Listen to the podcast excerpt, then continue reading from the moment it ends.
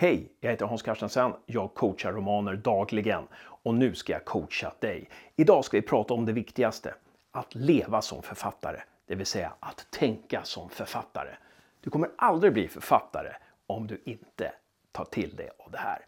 Men innan vi kör, ta och prenumerera så missar du inte nästa avsnitt heller när vi ska prata om status.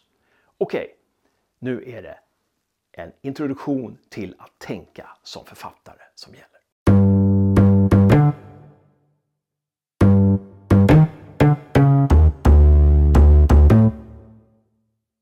Att leva som författare och tänka som författare betyder inte att man tänker att jag ska skriva någon gång. Utan det är att skriva nu. Och det är att skriva metodiskt. Du kan slösa bort hela ditt liv annars på att bara tänka att jag ska skriva någon gång, men inte nu. Och du kan använda hur många ursäkter som helst. Vi människor är experter på att hitta ursäkter för att slippa göra det vi måste göra. Ja, men jag har två små barn och jag har inte tid. Jag sitter på bussen varje dag. Känner du igen det där? Då är det dags att börja tänka som en författare. Och vad betyder det? Det betyder att ha rutiner framför allt. Du behöver någon plats att sitta och skriva. Det kan vara på toaletten, det kan vara i ett rum, det kan vara på något kontor som du hyr. Det spelar ingen roll, men det är, någonstans måste du skriva. Och du ska se till att veta var du börjar någonstans, var du fortsätter i ditt skrivande när du sätter dig.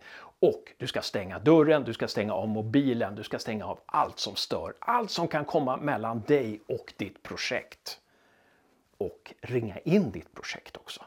Vad är det för någonting som ditt projekt innehåller? Vad är det för någonting? Vad är det du ska börja med? Vad, vad är det det innehåller? Försök ringa in det lite.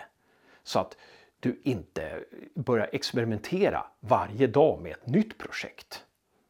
Vissa författare behöver två projekt, men det bästa är att ha ett projekt som du lever för. Och sätt en deadline när du ska ha skrivit x antal ord. En del skriver 5000 ord, en del skriver 500 ord, en del skriver 30 ord. Det spelar ingen roll. Fem minuter varje dag kan räcka. Börja där åtminstone. Nu kör vi. Första övningen. Du listar fem stycken saker som du måste förändra i ditt liv för att kunna börja skriva redan imorgon. Och sen fortsätta skriva varje dag. Fem saker du behöver förändra i ditt liv.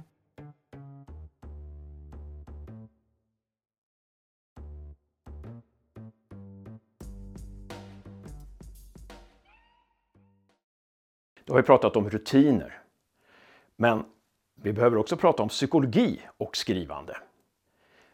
För det är också någonting som är centralt när du ska tänka som författare. Du behöver ha en vision. Du har säkert haft en vision och har påbörjat din roman. Åh, det här ska bli jättekul. Håll fast vid den visionen. Det är dit du ska. Även när du har skrivit 20-50 sidor och det är jättetråkigt, håll fast vid visionen. För det är där det var roligt. Det ska alltid vara roligt. Så gott som, med några undantag. Vi kommer till det så småningom. Och strunta i att skriva ord. Skrivande handlar inte om att stava eller eh, sätta ihop satser. Nej, det handlar om språk. Det handlar om att skriva där du måste vara. Den här scenen är du i. Skriv den och censurera dig inte. Censurera dig, det kan du göra när du har romanen klar eller när du har kommit en viss bit. Då kan du börja titta på vad du har.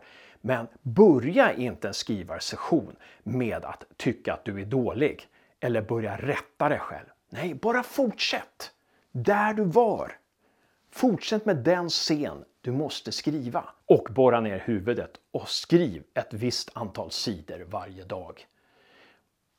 Oavsett hur ditt liv ser ut, oavsett hur sjuk du är. Skriv! Du behöver inte skriva eh, en hel scen du kan skriva fragment. Det är också skrivande. En annan psykologisk sak, om du inte tror på ditt projekt, då ska du veta att det ingår i processen. Det ingår i romanprocessen att tycka att allting är skit. Det får vara så. Fortsätt ändå, för det är inte skit. Men är det så att du har skrivit i x antal månader och det är jättetråkigt och du tycker inte att det är kul längre. Då kan det vara dags att börja vrida på det här. Gå tillbaka till visionen, försök hitta ett sätt så att det blir kul. Kanske du måste lägga till en person. Kanske du behöver en vändpunkt någonstans. Kanske du måste ta bort någon person. Det kan göra att du är tillbaka i den här roliga känslan som det var i början av ditt skrivande. Roland Barthes, den franske filosofen, han sa man ska alltid vara i början på ett projekt. Även när man har kommit 100-200 sidor in så ska man alltid befinna sig i början. Ta det som ett mantra. Och slutligen, kanske det viktigaste.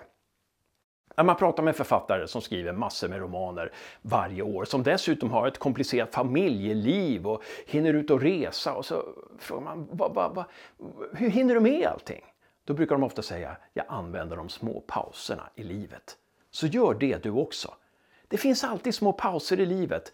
När du lagar mat, när du sitter på bussen, när du väntar på bussen, innan du ska sova, de där fem minuterna du ligger kvar i sängen innan du går upp och så vidare. Det finns massor med pauser som du kan använda till att planerande fundera över ditt projekt. För det är ju så här att det uppstår problem i ditt skrivande hela tiden. Som till exempel, du vet inte hur man ska göra för att läsaren ska vilja följa din protagonist. Skriv upp det på din pauslista. Nästa gång det uppstår en paus så funderar du kring den där frågan. Det där problemet som du behöver lösa just nu. Då var vi framme vid den andra övningen och sista övningen. Här kommer den. Lista de pauser som uppstår i ditt liv varje dag och bestäm dig för vilket problem du ska lösa under nästa paus.